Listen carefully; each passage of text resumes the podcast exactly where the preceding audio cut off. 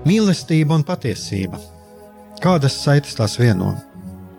Mēs esam cieši saistīti pirmkārt ar sevi, ar savu būtību, un arī ar pārējo pasauli, ar līdzcilvēkiem, ar sabiedrību. Kur ir mūsu vieta šajā pasaulē? Kā mums katram atrast savu patieso aicinājumu un vietu? Kā sasniegt savas dzīves piepildījumu, mīlestību? Kādi šķēršļi gan mūsu sirdī un prātā sastopamie, gan ārējie aizķēso mūsu ceļu pie Dieva? Šie jautājumi ir mūsu dzīves sastāvdaļa, svarīgi mūsu ceļā uz svētumu. Meklēsim šajā raidījumā kopā atbildes uz šiem jautājumiem. Ieklausīsimies, ko Dievs mums vēlas pateikt ar visu, ko sastopam savā dzīvē. Lai mūsu sirds un prāti atveras mīlestībai un patiesībai, raidījums mīliet cits citu.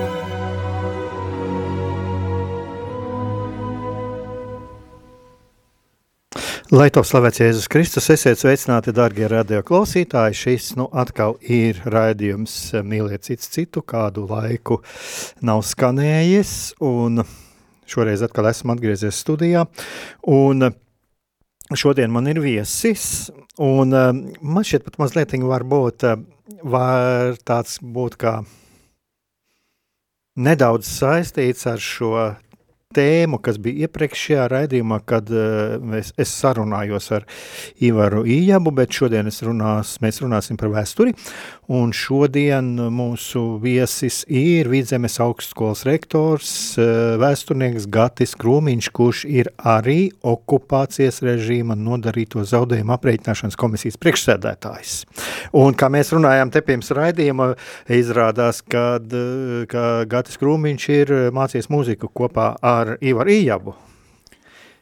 Labdien, tieši tā, tā, jā, tā kā kaut kāda kaut kāda e, kopīga pieredze. Bet um, e, es tā teiktu, kas, kas mani piesaistīja tieši uh, no Gata Krūmiņa, mani uzrunāja tieši šī, šis redzējums uz padomju okupācijas laiku, kurš, manuprāt, ir plašāks plašāks kā daļai, es pat teiktu, varbūt arī attiecīgo jomu speciālistu, jo tiek runāts ne tikai par materiāliem zaudējumiem. Bet uh, varbūt pirmais jautājums būtu tā, kā, eh, kā tāds, kā jūs kļuvāt par šīs komisijas priekšsēdētāju? Jā, nu laikam jāsāk ar to, ka mans pētījuma lauciņš ir šīs PSRS okupācijas periods, un nu jau jāsaka kaut kāds 15 gadus, Un eh, es kādu laiku jau līdzdarbojos komisijā. Nu, tīri tādā pētnieka eksperta līmenī es veicu pētījumus, un nu, tad tīri kaut kā loģiski es nonācu līdz tam, ka man uzrunāja, vai es negribu darīt kaut ko vairāk komisijā, jo komisija ir kādu laiku strādājusi, jau ir nu, diezgan ilgi strādājusi, 11 gadi, un ka vajadzētu kaut kā iezīmēt varbūt kaut kādu rezultātu, pie kā mēs nonākam. Un tad, ka, kāpēc bija mans apsvērums, kāpēc arī piekrit, jo Rektors es vairs neesmu, tas gan jāsaka, jā. Man beidzās vidzemes augstskolas rektora pilnvērs, un tad nu, man parādījās varbūt nedaudz vairāk laiks kaut ko arī citu darīt. Un, jā, nu es sapratu arī iekšēji, tādā, nu, pēc savas pārliecības, ka tas ir ļoti svarīgs jautājums, jā, ka tas nav tikai ķeksīts, tāpēc, ka ir saima ir lēmusi un valdība ir lēmusi, un tagad ir tieslietu ministrijas komisija, un ka nu, mums ir jāsaraksta kaut kāda papīri, jā, un, un, un tā, bet tas ir daudz dziļāk, Jo arī kā vēsturnieks, arī kā cilvēks, kas pats uz savas ādas ir piedzīvojis šo PSRS okupācijas periodu, es saprotu, ka nu, es teiktu, tas ir mūsu morāls pienākums vispār pret, vispār pret sabiedrību, pret visiem cietušajiem. Un arī morāls pienākums, domājot par to, kas notiek šobrīd, un domājot arī par nākamo paudzi, mūsu pienākums ir apzināt visu, kas ir noticis, ja, un uh, arī izprast tiešām dziļāk eh, tās ilgtermiņa konsekvences. Jo, ja mēs ik pa laikam runājam, ka jā, nu, tas jau bija sen, aizmirsīsim, tad jāsaka, nē, diemžēl ir tā, ka joprojām mūsos, gan kā individos, gan kā sabiedrībā kopumā, šis periods ir atstājis ļoti dziļas sekas. Eh, mēs daudz ko joprojām neesam aptvēruši no tā, kā mēs rīkojamies kā individi, gan kā sabiedrība kopumā, nu, šajā nu, Un, un daudzas lietas tas ir saistīts ar šo PSRS okupācijas periodu. Un mēs spēsim to tikai mainīt, tad, ja mēs apzināsimies, kas tad īsti mums ir nodarīts. Tā kā tas eh, nav tikai nogalināti, deportēti cilvēki, tas nav tikai piegādāta dabas teritorija, ja, ko izdarīja okupācijas karaspēks, ja, daudz citas lietas, bet eh, tā ir arī tāda sabiedrības apziņas teiktu. Tas ir ļoti sarežģīts joprojām jautājums, nu, kurā man šķiet, ka mans pienākums, ņemot vērā manu pieredzi un zināšanas, ir tur iesaistīties.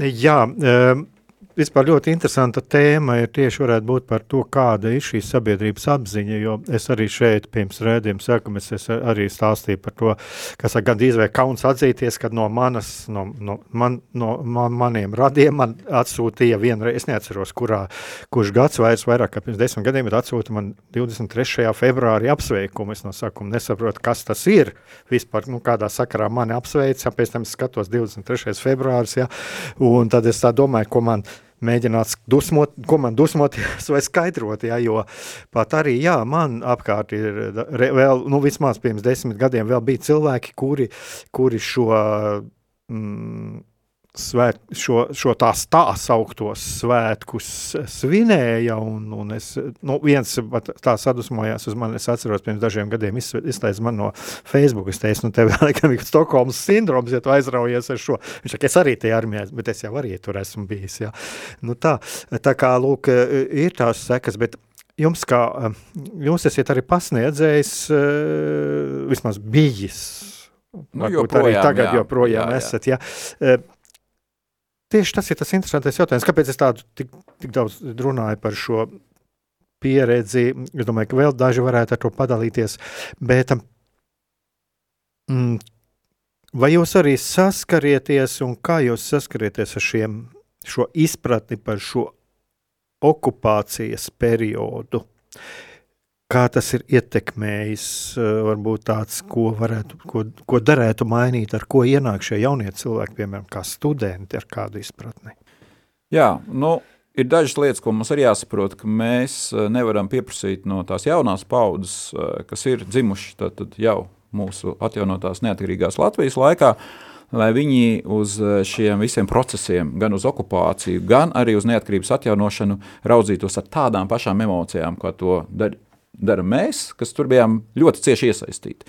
Nu, teiksim, cilvēki, kad tu atceries teiksim, Baltijas ceļu vai barikādas, un tu tur biji klāt, vai kā tu skaitīji tās balsis 90. gada 4. maijā, un tie, kas to atcerās, mēs arī periodiski veicam intervijas. Tu redz, ka cilvēkam asars acīs, jo viņš atcerās, un tas bija, kā man saka daudz no tās augstākās padomas deputātiem, tas bija viņa dzīves lielākais piepildījums, to izdarot, īstenot, un skaidrs, ka tās mums ir ļoti būtiskas emocijas.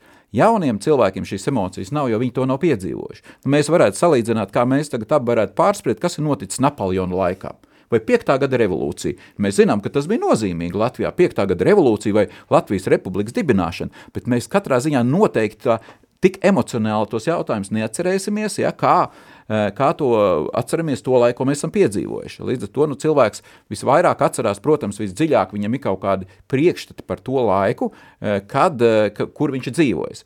Jauniem cilvēkiem, jaunai paudzei priekšstats par to nav, un tad būtībā kaut kāda veida emocijas pārnest viņi, viņiem varam tikai mēs. Protams, mēs rakstām grāmatas, ja, bet viņiem tiešām ir nu, 4. maija, ir tas pats, kas mums ir tas 5. gads. Nu, to nevar. Bet iesaistot kaut kādā veidā, parādot viņiem kaut kādus piemērus no mūsdienām, tu spēj arī viņos uh, radīt tās emocijas. Un tas ir ārkārtīgi svarīgi, un tas, manuprāt, ir nu, visu pedagogu arī, arī man, mans uzdevums. Es, es varu minēt uh, vienu piemēru, ko es uh, darīju pirms kaut kāda nu, nepilnas mēnesis man eh, divi no maniem dēliem iet skolā Rīgā, un eh, man eh, skola palūdza, tad, nu, tās ir 5. un 6. klase, lai es par barikādēm pastāstu.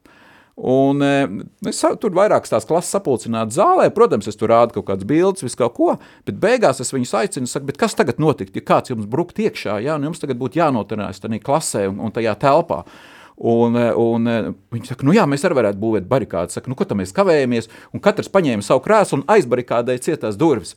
Un nāc iekšā, tur arī kaut kas netika, ja, un, un, un, un tu uzreiz viņiem ir tā sajūta, tu, tu radi viņiem kaut kādu sajūtu par to, ja, ka viņi saprot apmēram, kā tas ir bijis, ja, ka tevi kaut kā jālīdzdarbojas. Bet vēl viena cita problēma, kas ir, kur es varētu pārlikt tēl, nedaudz eh, tanī tēmā, ne tikai pa jauno paudzi, bet arī pa tiem cilvēkiem, eh, kas esam mēs, to, ko mēs atceramies un ko mēs esam piedzīvojuši, mūsu atmiņas reizēm nu, neatbilst varbūt tai realitātei ja, kaut kādā veidā emocionāli, e, kura varbūt mēs radām tagad un skatāmies, ja, nu, kā attēlot šo PSRS okupācijas periodu. Jo ir jāsaprot, ka ir pagājis ilgs laiks, un e, cilvēki tur ir dzīvojuši, tā ir bijusi viņu dzīve, tā ir bijusi viņu mīlestība, viņi ir bijuši jauni, viņi ir mīlējuši, ja? E, viņi, tā ir bijusi viņu bērnība, un daudz lietas par to bērnības laiku cilvēks asociē ar kaut kādām arī lietām, kaut kādiem simboliem, kas ir no šī PSRS okupācijas perioda. Ja? Teiksim, tu parādi kaut kādu biespienmaizīti, kas ir tikai vienīgā nopērkama toreiz bijusi, un cilvēks, vai cik tas bija skaisti, ja? Bet, un tad mums liekas, jā, nu viņš tagad idealizē to laiku, bet nē, tās ir vienkārši viņa atmiņas. Un vēl viena lieta, kas skaidrs, ka cilvēks pēc savām atmiņām cenšas atcerēties to labo, ja? jo, jo savādāk, nu, ja cilvēks neizdzēsīs to slikto tik daudz no atmiņām, viņš nespēs dzīvot. Ja? Nu, ir, ir tāds salīdzinājums, ka, e, ja sieviete atcerētos visu, kas ir noticis dzemdībās, tad viņa nedzemdētu otrais. Un tas mums ir ieprogrammēts kā cilvēkiem, lai izdzīvotu, jo ir jāsaprot, ka mēs ilgstoši dzīvojam, mums ir bijuši vienmēr visām paudzēm bijuši lieli sarežģījumi. Un mums ir kaut kā jāizdzīvo, jāiznes kaut kas pozitīvais līdz nākamām paudzēm.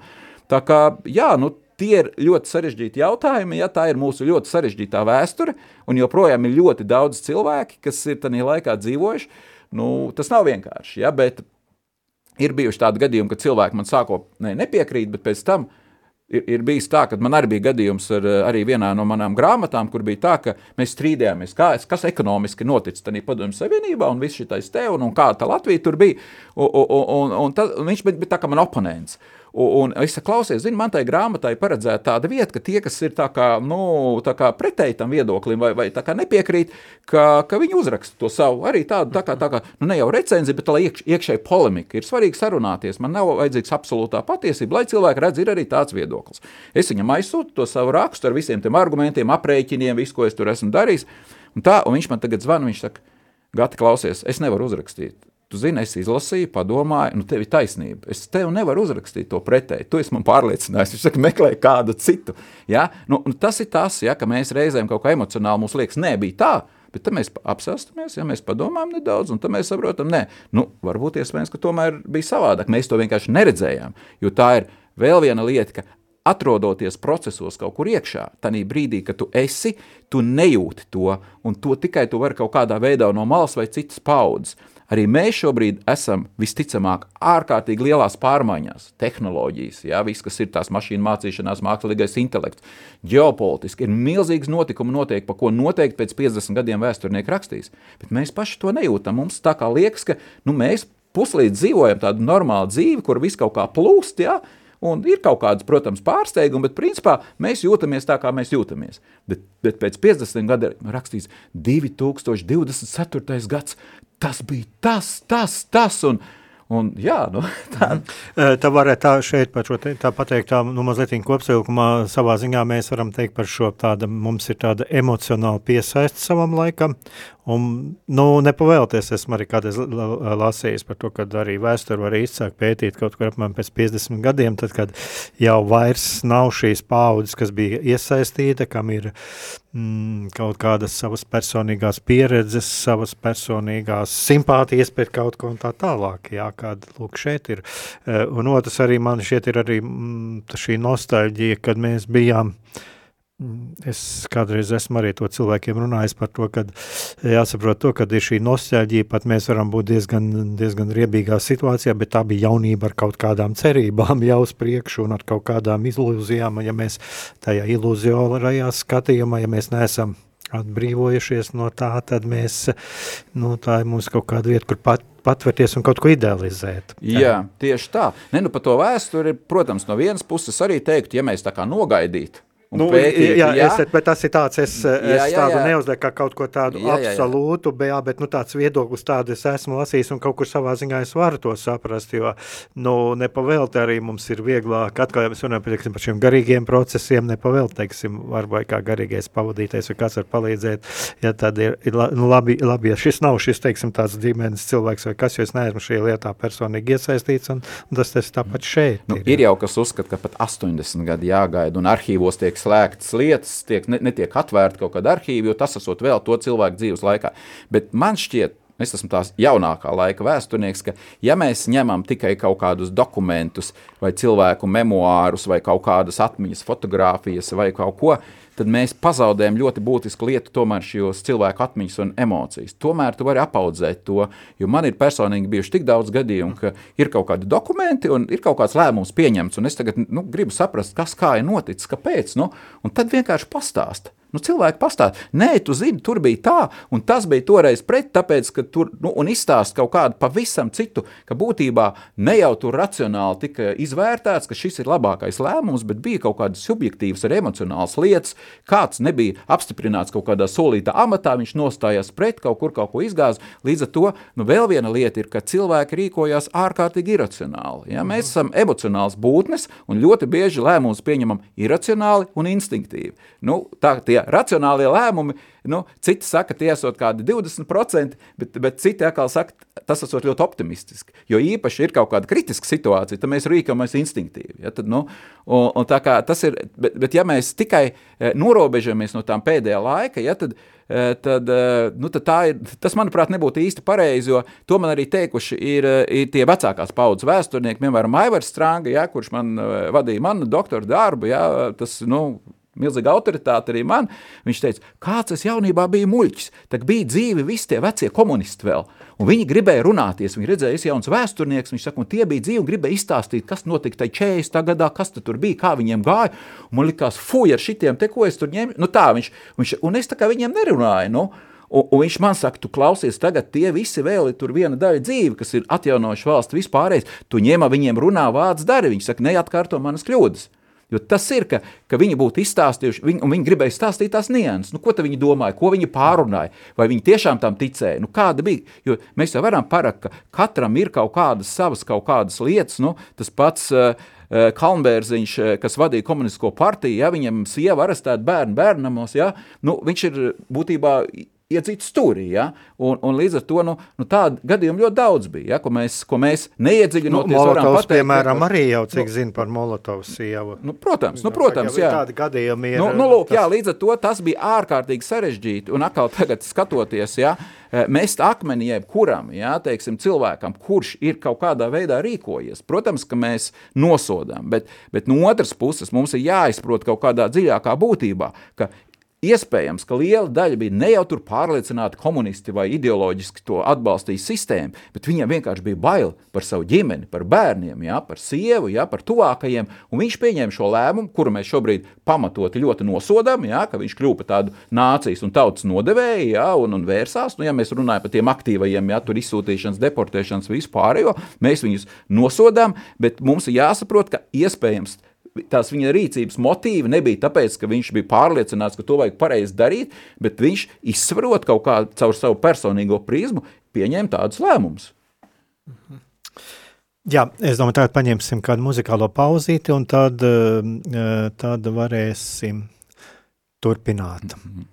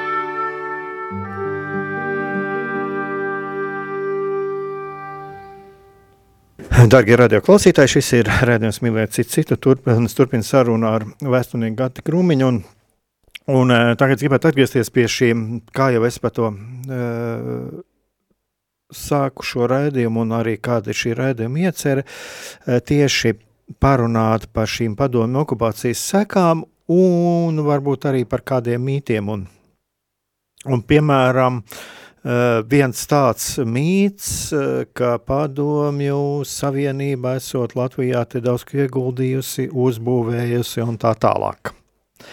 Uh, cik tas ir pamatots un vai tiešām Latvija, nu, teikt šeit runājam tīri ekonomiski, materiālā ziņā ir kaut ko ieguvusi vai nav? Jā, nu šis šķietami, manuprāt, joprojām ir viens no tiem mītiem, kuru arī pat latviešu sabiedrībā mēs varam uzskatīt par nevis mirušu un nogalinātu, bet joprojām pusdzīvu. Jo kaut kādā veidā, kaut kādā ziņā runājot ar cilvēkiem, arī no akadēmiskām aprindām, nu, viņi tomēr izsaka tādus, nu, teiksim, kaut kādu skepsi. Nu, vai tad tiešām, vai tad tiešām tā bija, ja? vai tad tiešām, ka, ka, ka tā padomju savienība te neinvestēja, ja? un, un, un milzīgi daudz, un kā tas bija? Un, eh, nu, skaidrs, ka tas lielā mērā ir saistīts ar to, ka mums joprojām, nu, kā mazai tautai, nav atvēlēti nu, arī pēdējās desmitgadēs pietiekoši daudz eh, līdzekļu tādai fundamentālai vēstures pētniecībai. Un eh, mēs joprojām daudz ko nezinām. Nu, es tagad varu vienkārši minēt to vienu piemēru, apgāžot, ja, pietiekoši mēģināšu vienkārši apgāzt to mītu par šīm padomu investīcijām Latvijā. Ja, jo, protams, vizuāli taču mēs redzam, tur bija rūpnīcas, tur tilti, kas tur, ja, tur būvēti, kā tur ceļi, it kā milzīgi objekti, tur fermas, kolhozi, un var teikt, nu, pa kādu naudu jau tas ir it kā būvēts. Ja. Bet tas, ko mēs ignorējam šajā stāstā, ir tas, eh, kāda Latvija bija pirms PSRS okupācijas. Un, e, Tas ir tas, ko arī ir izdevies man ar kolēģiem no Viņas un e, Tartu universitātēm no Norvēģijas. Mums ir tāds e, Baltijas simts, tāds trīs gadu apjomīgs projekts, kur mēs esam jau faktiski jau finiša taisnē sarēķinot Baltijas valstu iekšzemes koproduktu par pēdējiem simts gadiem. Un eh, tas ir pēc starptautiskas metodoloģijas salīdzināms. Un tad nu, vienkārši piemērs 39. gadā, tad, tad nu, faktiski uz brīdi, kad sākās otrais pasaules karš, ja, kad sākās mūsu arī tās nepatikšanas, Latvijas un Somijas iekšzemes koprodukts uz vienu iedzīvotāju atšķirās par apmēram 5%. Nu, līdz ar to Latvija ir tāda, es teiktu, uh, ļoti viena no pirmām kārtām, kas jāsaka 20. un 30. gados, arī par spīti Ulmaņa autoritāram režīmam. Es varu teikt, ka to mītu, ka Ulmans salaida pilnīgi dēļ ekonomika, arī mēs apgāzīsim, bija pietiekoši strauja izaugsme. Un e, Latvija bija 20. un 30. gados viena no valstīm, kur bija straujākā izaugsme. Un tiešām mēs bijām, labi, vēl nebijām, ja tā var teikt, noķēruši tur Dāniju, Zviedriju, bet ar Somiju mēs bijām nu, jau vienā tādā attīstības līmenī. Un e, tātad, okupējot šādu valsti, PSRS, kur stipri zemāks attīstības līmenis, e, iedzīvotāju dzīves kvalitāte nesalīdzinām zemāka, ja, e, okupējot Latviju, iekļaut savā sastāvā, PSRS ļoti veiksmīgi uzdeva visus šos sasniegumus un šīs dzīves apstākļu atšķirības par saviem panākumiem. Un es teiktu, ka nu, tas ir viens no PSRS šī okupācijas režīma propagandas veiksmes stāstiem. Iestāstot cilvēkiem visā PSRS un pat kaut kā ļau, liekot mums Latvijā daļai noticēt, ka tas ir noticis par PSRS naudu. Jo nu, iedomājieties situāciju, kaut kur no kaut kādas dziļas Krievijas atbrauc kaut kāds cilvēks 50. gadi, kaut kur 50. gadu tur otrā puse, kas, kur joprojām, kur viss tur, nu, milzīgi postaži, un viņš atbrauc šeit, atbrauc uz Rīgu. Ja viņš redz, ka tomēr apgāde ir labāka, tu vari kaut ko tirgu vairāk nopirkt. Ja? Cilvēki ir tādi sakoptāki, vispārējais. Un, un viņš lasa, ka tur ir PSRS investīcija. Viņš saka, ka viņi šeit tik labi dzīvo, un tas viss par mūsu naudu. Nu, nu, izdevās ārkārtīgi viegli to pavērst, un arī izmantot to Kārļa Ulmaņa, to e, būtībā to atkal tā Ulmaņa propagandas, to radīto to mītu, ka latvieši jau ir nu, tādi tikai zemnieki, ja? nekāda rūpniecība jau mums nav, mēs esam zemnieku tauta. Ja? Un, un tad PSRS propaganda to izmantoja, ka e, pieliekot tam klāt, ka Latvija atpalikusi agrāra valsts, ja? ka, kur nekas nebija, rekā mēs te visu sabūvējam. Bet nu, Latvijā 20. un 30. gados un īpaši 30. gados, gan pēc eh, nodarbināto skaita, viss mēs redzam, ka ļoti attīstās šīs dažādas ražošanas nozares, un kas ārkārtīgi svarīgi, ka viņas ir orientētas uz tām vajadzībām, kas ir Latvijas sabiedrībai. Tas, ko ražoja PSRS okupācijas periodā, nevar noliekt, ka ražošanas apjoma bija liela, bet jautājums, kādām tas bija vajadzībām, kur tā produkcija palika, ko no tā varēja nopirkt veikalos. Ja? Un, ja 30. gadu beigās mēs ražojām gan radioaparātu, kas mums bija konkurētspējīga VF Minox, ja, kur, vai, vai vienalga, nu, ir, mums ir ļoti daudz konkurētspējīgas produkcijas. Tad brīdī, kad mēs gājām ārā no Padomju Savienības, nu, nu, tie, kas atcerās laika biedru, atcerās, aizbraucot uz rietumiem, ieraugot kādu rietumu pat desmit gadu vecu radioaparātu, cilvēkiem ir abrīna. Ja? Piemēram, tas pats eh, mikroautobus Latvijā, ja, ko ražoja ar Volgas motoru un, un ko lika kopā, jā, tā gala štāns, kas bija tas mikrobusiņš, ja, nu viņš bija absolūti nekonkurētspējīgs. Viņš atpalika tehnoloģijas pa 10, 15 gadiem no tā, ko ražoja jau rietumos. Un Atceramies, kādā situācijā mēs iznācām no Padomju Savienības 90. gados, un kur tad bija Somija. Ja? Nu, līdz ar to šis periods bija ārkārtīgi nelabvēlīgs mums attīstībai, arī ekonomiski. Ja? Viņš mums liedz to mūsu dabisko tirgu, ja, kur bija daudz augstāki standarti visos veidos rietumos. Ja. Mēs, protams, pamatot varam kritizēt brīvo tirgu un ja šos principus, bet tomēr tie uzrāda daudz augstākus kvalitātes standartus nekā šī deficīta ekonomika, kas bija Padomju Savienībā, ka būtībā ir tāds trūkums pēc, pēc eh, pārtiks precēm, pēc visu var saražot, jebko tev izgrābs, ja tu ārā faktiski eh, bez, bez nekā. Līdz ar to nu, eh, mēs bijām notrulinājuši savu tautsaimniecību, un godīgi jāsaka, mēs arī bijām notrulinājušies arī paši kaut kādā ziņā mentāli, arī kā sabiedrība. Un tas ir tas aspekts, par ko es tagad cenšos ar vien vairāk runāt, ka joprojām mēs tomēr neapzināmies tās, nu es teiktu, tādas kaut kādas mentālās, intelektuālās degradācijas sekas, ko mums nodarīja PSRS okupācijas režīms. Jo ļoti daudzās lietās tika aizvietots ļoti veiksmīgi, ja? gan pēc izglītības programmām, gan pēc kultūras pasākumiem, daudzas lietas. Cilvēkiem tika mainīta paradumi. Tagad arī šajā pašā Baltikas simtajā pētniecības projektā mēs skatāmies tās dažādu to, tās ķēdes, cik kas ir ražots, un es skatos, ka ir piemēram alkohola ražošana, stiprais alkohols, jā, degvīns. 1950. gads, ja, 1957. gads, septiņu gadu laikā dubultojās ražošana. Un 57. gadā jau uz vienu iedzīvotāju Latvijā patērē divas reizes vairāk stipru alkoholu un vēl cik tur reizes vairāk alu nekā pirms okupācijas. Ja? Nu, un skaidrs, ka no vienas puses mēs varam teikt, jā, iebrauc imigranti, ja, kas ienes citu kultūru, bet no arī vietējā sabiedrība līdz ar to, ja tā var teikt, pavilkās līdzi, ja, un, un pēc tam vēl kāpināja, kāpināja, kāpināja, līdz ar to tas ievies pavisam citu kultūru, pavisam citu attieksmi pret darbu, attieksmi pret kaut kādiem panākumiem, ja, kā mēs komunicējām ikdienā, par ko mēs runājam, par ko mēs baidījāmies runāt, ja, un skaidrs, ka mēs ļoti ātri spējam atgūt tādus skaistus, spilgtus vizuālus simbolus, nacionālais karoks, ja, vai kas, vai tas pats, piemēram, mēs PSRS okupācijas periodā mēģināja vienu ticību, nu, ticību dievam aizvietot ar eh, ticību komunistiskai partijai, ideoloģijai, ja tur nu, daudzas lietas. Ja, ko, Kā jau arī savs tāds reliģisks nu, valsts. Tā, tieši tā, tieši tā, ja, un piemēram daudz šīs kolektīvās kāzas vai ko, ko rīkoja, nu nobīdīt nos, kas notika ar baznīcām, atceramies. Jā, mēs ļoti ātri atjaunojam lielu daļu no šīm baznīcām, dievnamiem Latvijā, visu šo, bet vai mentāli cilvēki atgriezās tajā situācijā? Nu, kā Latgalai teikt, viena daļa paliktā nakriškoņi tomēr, ja, kas ir tā kā, varbūt kaut kā, vai nu viņi kaut kādas ir, kaut kā viņš tā kā iet uz to baznīcu, bet līdz galam nerīkojās, ja? Jo svarīgi jau ir kas, nevis varbūt ne tik daudz, ka tu e, tici tam dievam, bet tas, ja, kā, ka, kā tu rīkojies kā cilvēks, jo Bauši jau visu ir uzrakstīts pareizi, ja? Un līdz ar to sabiedrība vairs tā nerīkojās. Un tu nevari vienā dienā pārlikt sabiedrību, mēs esam ieradināti tādā veidā, ar tādu uztveri dzīvot. Ja? Nevar vienā, divās dienās, un es atvainojos arī divās desmitgadēs, mēs neesam spējuši trijās desmitgadēs nonākt atpakaļ pie normālas kultūrālas sabiedrības. Ja mēs paskatāmies kritērijus, kā cilvēkiem ir attieksme pret savu veselību, ja pret daudzām citām lietām, vārdarbību, viss, nu, tur mēs, diemžēl, joprojām velkamies ārstē Eiropā. Ja? Un, un kas tad mēs tagad kaut ko nepareizi izdarījuši? Tās, diemžēl, ir tās sekas, kuras 90. gados mēs neapzinājāmies. Mēs cerējām, ka mēs iestāsimies Eiropas Savienībā, NATO un to viss būs kārtībā.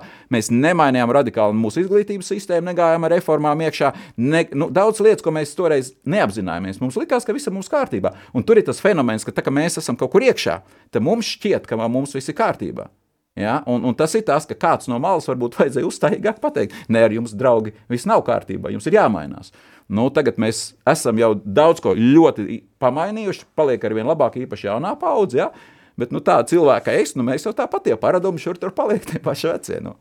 Nu jā, šeit arī tas mīts ir par šo izglītību, nu, un tur ir kāda super laba izglītība, bet nu, man atkal bija šie argumenti, jā, kā, nu, saka, nu, tur padomju savienībā, nu, vislabākā ideāla izglītība, es saku, nu, pagā, varbūt pastīsimies, kāds, kāds ir tajās valstīs, kur šī it kā tā super izglītība nav, nu, un, un kāds ir, piemēram, tajā pašā Amerikā, ja tikko bija kaut kāda komentārs, komentārs tur Facebookā, tur ārprāts šī briesmīga Amerikas izglītības sistēma, kas it kā nākot, nu, nu nākot Latvijā, ja, es saku, labi, nestrīdēsimies par to, vai viņi nāk vai nenāk, bet vienkārši salīdzināsim dzīves līmeni Amerikā un salīdzināsim šeit vai salīdzināsim Padomjas Savienībā. Nu, nu, tā, tā ir tā domāšanas, jā, tieši tas kaut kā. Jo, jo tas e, uzreiz par izglītību, jā, un ir kādreiz, kā saka, tie vecie saka, nu tad bija tāda inženierzinātne, mēs tur rasējām, visu tur taisījām.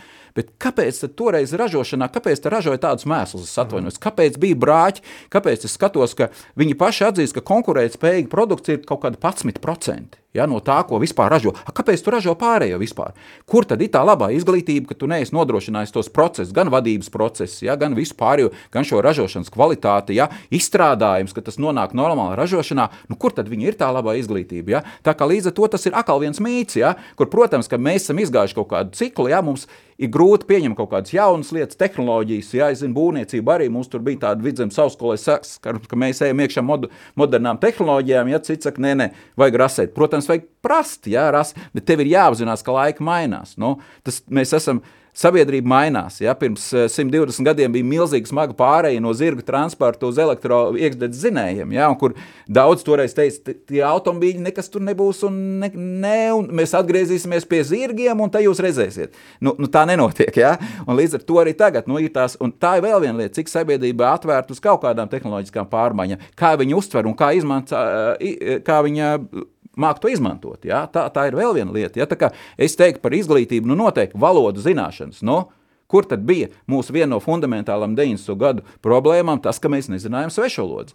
Latvija, kas bija multikulturāla valsts 30. gados, kur katrs normāls cilvēks zināja, kuram bija starptautiska pieredze, nu, un cik tālu to krievu valodu tiks? Nu? Nu, un, nu, tā, kā, nu, tā, tā bija tā realitāte. Ja? Tā līdz ar to e, izglītība bija viena no fundamentālām PSRS okupācijas perioda problēmām. Ja? Tā kā skaidrs. Jā. Nu jā, un uh, es esmu vienkārši arī tāds, man patīk palasīt uh, tos cilvēku atmiņu stāstus, un, un man šķiet tāds labākais, labākais, ko es esmu lasījis, starp citu, ir Bille. Uh, Vismaz Belševits. Uh, ko es tur pamēju? Kāpēc, uh, vispār, kāpēc arī man šie, mēs arī te runājam, es runāju arī par to, ka šīs cilvēka atmiņas man šķiet, ka ir ļoti labi, ka tas cilvēks, nevis viņš ir kaut kādā amatā bijis, bet arī tas cilvēks, kurš vienkārši no tautas dzīvojas, ja viņš ļoti tieši par to izglītības sistēmu Latvijā, Tur Vīzma Belševica atcerās to, kā viņa pirms kara 30. gados, kā bija skolotāja, kas bija pamanījusi tos viņas talantus un, un vecākiem ieteikusi pievērst uzmanību, un tā, un tad nāsta šī okupācija un viss aizgāja uz leju. Man liekas tāda, un es domāju, ka tāda varētu būt, būt ļoti daudz šie piemēri par to. Jā, tā tad, tā tad šie ietekme uz domāšanu, un par to mēs jau tātad jau mēs parunājam, un arī par šo izglītību. Bet um, kā šīs problēmas, tagad es mazliet gribētu arī tieši paskatīties uz mūsu laiku un uz šo situāciju, kas ir arī saistībā ar to Krievijas agresiju. Jā, um, vēl viens tāds jautājums, kas man arī ienāca prātā par šo Vai nav arī šādas tendences manāmas, ka mēģina kaut kādu šo nostalģiju pēc šīs jaunības, jo Facebookā parādās reiz par reizē tur tādi, tur padomju laikā bija tā un tā, tādas ir manāmas kaut kādas šīs tendences, jo es esmu kādreiz teicis arī jābūt ļoti uzmanīgiem, ja jau mm, tāda tas labā plombīra stāsts, viņš jau vairāk kā desmit gadus iet kaut kur šajos, teiksim, mēdījos, jā, Jā, nu, ir pilnīgi skaidrs, ka tas tiek apzināti kultivēts. Ja, un, jo es nekad neesmu saka, spiedis to podziņu, ka man patīk kaut kas, kas ir saistīts ar kaut kādu Krievijas propagandu vai kaut ko tādu. Bet arī Facebookā, tiešām kā sociālā mēdījā, eh, man regulāri nāk Tātad piedāvājums paskatīties, cik skaisti ir Krievija, cik skaisti mm. bija šis PSRS okupācijas periods, kādas bija PSRS mašīnas, viss kaut kas. Jo viņi apskatās, ka nu, cilvēkam ir 50 gadi, viņš ir dzīvojis kaut kādā jaunībā, bijis PSRS. Jā, un, un tur jau vienīgi tas, ka redzams, ka tas ir apmaksāts, kāds ir par to finansējis. Bet redzot, kādos tas apjomos nāk, ir pilnīgi skaidrs, ka tās ir kampaņas. Jā. Un skaidrs, ka tas ir mērķiecīgi, ja tiešām cilvēks kaut kādā veidā uh, pamudināt, pamudināt teiksim, to atcerēties, bet tur jāsaprot, ka no vienas puses nav jau nekas slikts, kā atcerās. Ja? Un, un ka, ka, kā saka, veči sanāk kopā pirti un atcerās, kā tur kolhozā brauca traktoriem un visu kaut ko darīja, tā jau nav problēma. Problēma ir tas nākamais, ka šis ir ļoti cieši sasaistīts ar nākamo soli, ka tev saka, bet toreiz bija labāk, un tagad ir sliktāk, un nākotnē būs vēl sliktāk. Mums vajag atgriezties pie tās sistēmas, un tas ir tas, kas tiek pilināts. Tas jau, kad ir atmiņas, ja, un dažādos veidos, un kas tas jau ir tā jau ir tikai normāla parādība. Ja? Bet ir ļoti svarīgi, ka tās atmiņas tiek tiešām mērķiecīgi, viņas tiek tie visi stāsti, viņi tiek mērķiecīgi tādā veidā veidot, lai tevi kaut kādā veidā ievilktu iekšā tādā domāšanas veidā, ka tu saki, jā, nu redz, tagad Latvija tur ir neizdevusies valsts, nekas jau te nav, te visi, visi ir slikti, slikti, ja? Un, e, nu, es arī biju vienā tādā pasākumā, kur arī bija kaut kā sabraukuši e, daudzi cilvēki un, e, un arī kaut kāda dzimšanas diena. Un, Un tagad, eh, un, eh, un, un tagad viss sāk lamāt to valdību, un cik viss ir slikti tajā Latvijā un tā. Un, un tad es teicu, jā, nu, mīļie draugi, nu, redzot to, kādām jūs atbraucām automašīnām, kāda ēdienu dzērieni ir uz jūsu galda, jā, un kā jūs esat apģērbi, es teiktu, viennozīmīgi tagad ir daudz sliktāk nekā tajos laikos, pa kuriem jūs tikko runājāt. Un, Ne, tas esot savādāk. Es saku, nē, jūs vienkārši nu, izturaties necienīgi un jūs nenovērtējat to, kas jums ir. Es negribu idealizēt. Mums ir ļoti daudz lietas, kas mums Latvijā jādara, ko mēs neesam izdarījuši, bet mums ir jānovērtē tas, kas mums ir šobrīd, un kādas būtu alternatīvas. Ja? Un, ja kāds saka, ka Baltkrievija esot tik skaista un labi, es arī esmu dzirdējis tur kaut kādus stāstus, ka tur esot tur viss izpļauts, sakopts. Nu, e, nu, Vai, vai teiksim, mēs redzam, kas notiek Ukrajinā, ja? ka Ukraiņa nemodernizējās. Ja? Ukraiņa kaut kādā ziņā tos 90. gadus palaida vējā vairāk nekā mēs. Mēs tur ar daudz ko neizdarījām, bet mēs vismaz zinājām, uz kurien mēs ejam. Ja? Un uh, es nedomāju, vai tajā pašā Krievijā, tās valsts, par kur runā, kur tad ir šis PSRS mantojums, kuru viņi mēģināja saglabāt. Nu, tā ir Baltkrievija un Krievija. Nu, nu, un, uh, Pat krievi, kas no Latvijas atbrauc, viņi taču eh, negrib dzīvot uz turieni pārbraukt, tāpēc, viņi apzinās, ja pat tie cilvēki, kas ir ideoloģiski, kas ir pret Latviju, ja, jo eh, vēl viena lieta, ka liela daļa no Latvijas krieviem ir lojāli, ja, man ir viņus ārkārtīgi emocionāli žēl, ka nu, tas, ko dara šobrīd Krievija, nu, viņi jūtās ārkārtīgi slikti, ja, un, protams, ka emocionāli liela daļa sabiedrības uz viņiem skatās savādāk, tu esi krievs, ja, un, un, un kā, bet, bet ir skaidrs, ka pat tie, kuri tā kā, kāpēc viņi nebrauc uz to Krieviju, kāpēc viņi nebrauc uz to Baltkrieviju, tāpēc, ka viņi ļoti labi apzinās, ja, ka, ka te tā dzīve ir labāka, ka viņi te var labā, lamāt Latviju un Eiropu, ja, un, un tad pašā laikā viņi šeit dzīvo, ja, nu, kas ir, nu, tāda, varētu teikt, tāda milzīga pretruna, ja, bet, bet tā, tā ir tā realitāte, ja, bet tā ir vēl viena lieta, cik fenomenāli strādā šī cilvēka domāšana, ja, ka cilvēks tic tam, kam viņš grib ticēt, ja, tā ir vēl viena lieta, ja, un līdz ar to ir ļoti grūti tādu cilvēku pārliecināt par kaut ko citu. Pat redzot, viņš aizbrauc uz to Krieviju, viņš redz, ka tur ir saka, pilnīgs sabrukums, jā, un, un tur ir bats, jā, un nolaists viss, un, un viņš atbrauc apakaļ, bet vienalga viņš ir. par jā, to, tā jā. ir tā neracionālitāte. Ne, absolūti, jā, absolūti. brīnījies esmu. Jā, bet tā cilvēks, un tā ir vēl viena lieta, tā cilvēks ir būvēts, un mums ir jāsaprot to, ka Eh, ka šie, nu, teiksim, kad, nu, šajā Ukraiņas kara kontekstā un visā, ja, ka tie cilvēki domā savādāk, ja, un viņiem domāšanas veids ir cits tomēr. Ja mēs mēģinām, kur ir liela daļa no eiropiešu to politiķu kļūdām, ko viņi sākumā pielaida, ka viņi domā, aizbrauksim tā kā Makrons, piemēram, brauc tur pie Putina, es tur ar viņu parunāšos, viņš tā sapratīs. Nu, ko viņš sapratīs? Tu, te, te, viņš ir pavisam savādāk domājis cilvēks. Vēl viena lieta, kas nākas no šī PSRS okupācijas perioda, ar kuru mums Latvijā ir jābūt, kur mēs šobrīd beidzot beidzot esam kaut kādā veidā tikuši pāri. E, nu, vismaz man tā šķiet, ka e, Padomju Savienībā tautas tika sadalītas faktiski kārtās.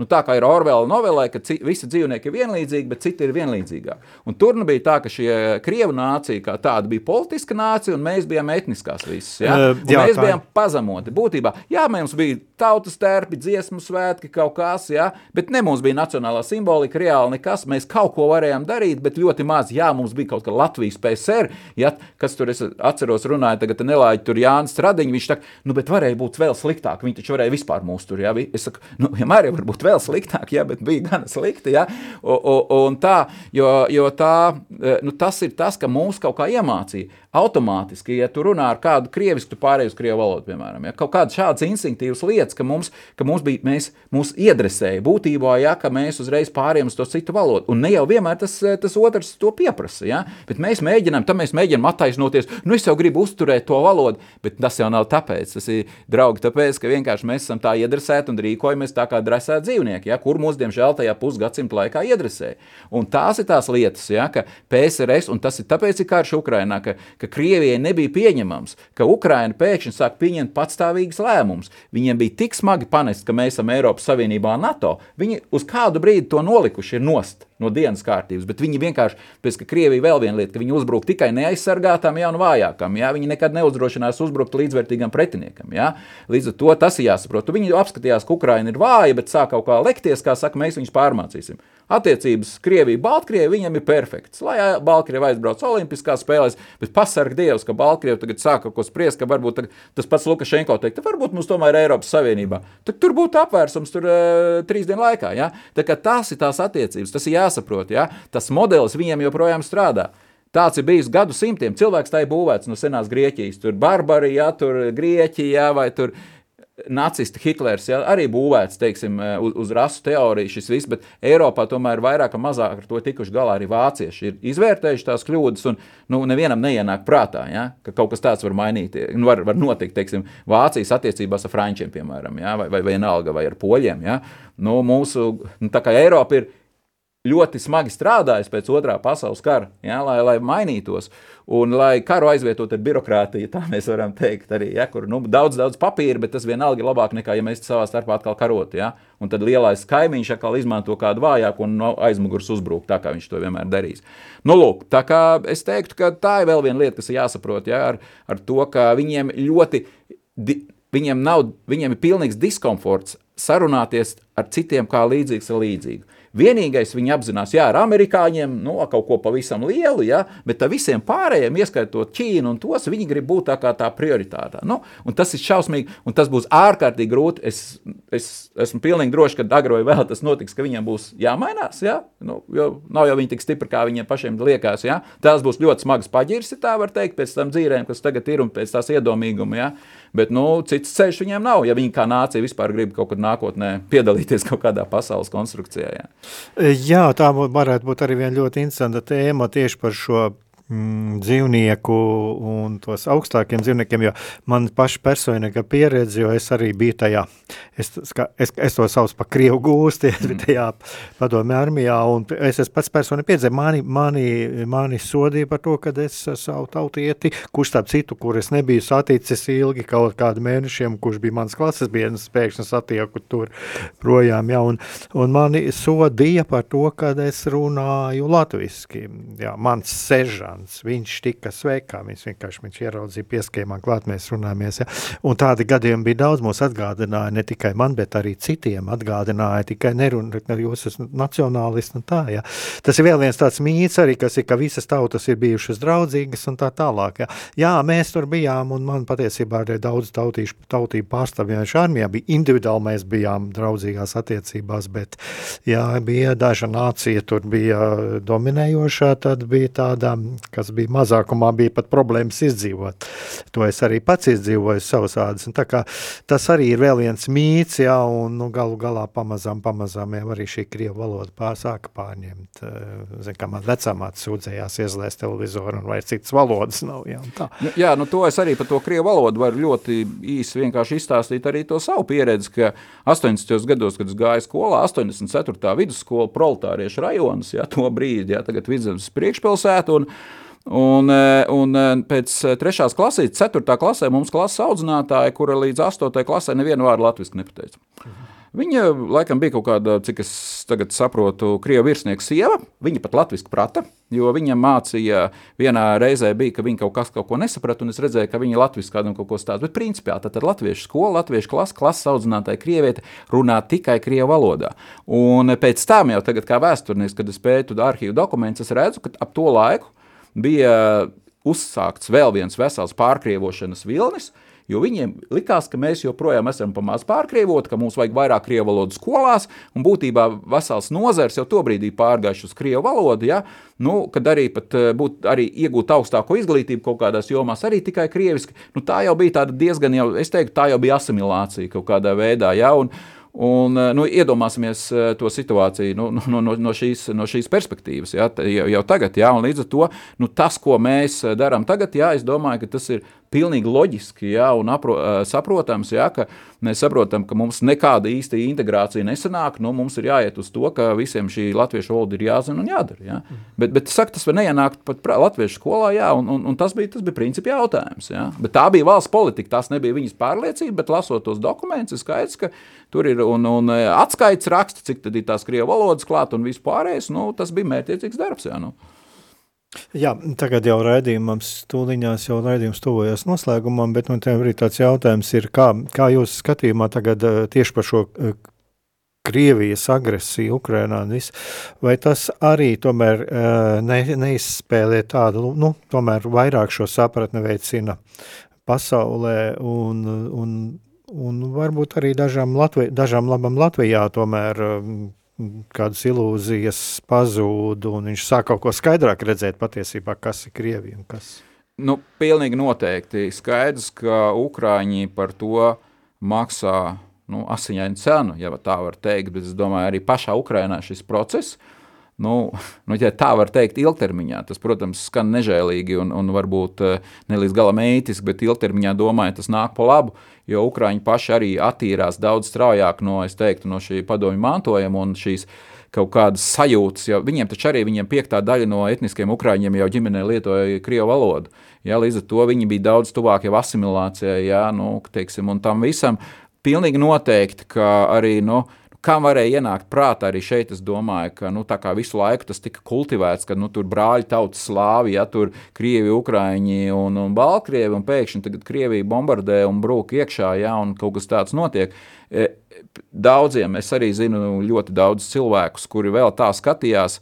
Nu, tīri, ja mēs runājam par krieviem, par latviešiem, tur jau mums tomēr diezgan skaidrs bija, bet, bet es domāju, ka tādiem Latvijas krieviem, nu, nu, protams, izņemot tos, kas grib atjaunot padomju savienību, jāatzīst, ka tāda, protams, ir, un viņi ar to pārliecību arī nomirs, nu, tā ir vecākā paudze, ja? bet principā daudziem eh, tas eh, atver acis, ja? un eh, kaut kādā ziņā šobrīd tas mums palīdz, jo ir kaut kādas lietas, kur, kā saka, nu, Citreiz saka, nu, patiecība ir pa vidu. Ja? Nu, šis ir tas gadījums, kur mēs varam teikt, ka nekādu vidusceļu mēs nevaram atrast. Ir pilnīgi skaidrs, kurš ir agresors ja? un eh, kādu mērķu vārdā viņš to dara. Ja? Un, un eh, ka tas nav civilizēti. Ja? Tur, protams, var vilkt ārā visus tos Krievijas radītos mītus un apdraudējumus. Ja?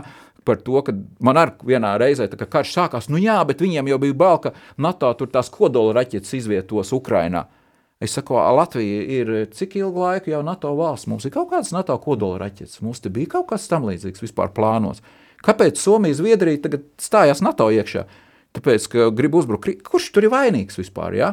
Nu, un, tā kā nu, būtībā ja, nu, Krievija, nu, Krievija rīkojās ārkārtīgi nesaprātīgi ar, ar visu šo, ja, un nu, viņi ir tādā bezdabeņa malā, es domāju, savu nāciju pietuvojas kopumā. Ja, milzīgie šie dzīvā spēka zaudējumi, arī morāliski zaudējumi, ja vā, valsts būs novājināta, ja, pēc tam, ja, kas notiks, ja kaimiņi tādi kā Ķīna uz to tikai skatās. Ja, tā kā nu, sarežģīti, bet jā, es, ja atbildētu uz jautājumu, skaidrs, ka nu, tas tomēr lielai daļai atverēts. Bet, protams, izņemot tos, kas uzskata, ka tas ir pareizi, ja, un kas uzskatītu, ka ir pareizi būt kaut ko tādu darīt ar latviešiem, vēl nežēlīgāk. Ja. Tā kā arī to mums ir jāņem vērā, ka arī tādi cilvēki ir, ja, un, un tāda ir viņu pārliecība, ja, un nu, tos mainīt mums būs ļoti grūti. To svārstīgos un, un arī jauno paudzi, nu, to mēs varam mainīt, ja, kā, bet ar tiem ir, nu, tādi viņi ir, ja, diemžēl, diemžēl. Viņi, viņi ir, nu, diemžēl tas ir, un tur ir tiešā veidā tā saikne, protams, ja, šīs padomju savienība, ja, Viņiem emocionāli arī bija ļoti grūti to pieņemt. Ja? Kaut kādā ziņā varam saprast. Viņš te, viņam visu laiku likās, ka viņš te ir titula nācija, viņa valodā te visu runā. Viņš ir vai nu atbrīvotājs, vai iekarotājs, ja? bet viņš ir tas kungs. Ja? Un pēkšņi izrādās, ka nav. Izrādās, ka viņi ir, ir ņēmuši no mums te vairāk, vēl kaut kas. Viņš, viņi bijuši okupanti, vēl kaut kas. Ja? Un, nu, kas tagad notiek. Un pati viņa valsts brūk kopā, jā, nu, kur tā padomju savienība, jā, tur, tur Nīderlandē ir lielāks iekšzemes koprodukts kā Krievijai. Nu, nu, tās ir tās lietas, jā, par ko es domāju, cilvēki milzīgā šokā. Tā vienīgā pretreakcija nu, ņemt mietu bez maz un vicināt ap galvu, teikt, ka mēs vienalga esam visvarenākie, vienalga, lai arī kā, bet mēs te par mūsu lielo varano Krievzemi, jā, te būsim, jā, nu, nu, kas ir nožēlojami, jā, un, un tā, un, un tas ir strupceļš, bet nu, nu, mums ir jāsaprot, ka tā cilvēki ir, jā, diemžēl, un būs, jā. Nu, ar to arī ir jānoslēdz raidījums. Ko jūs vēlaties?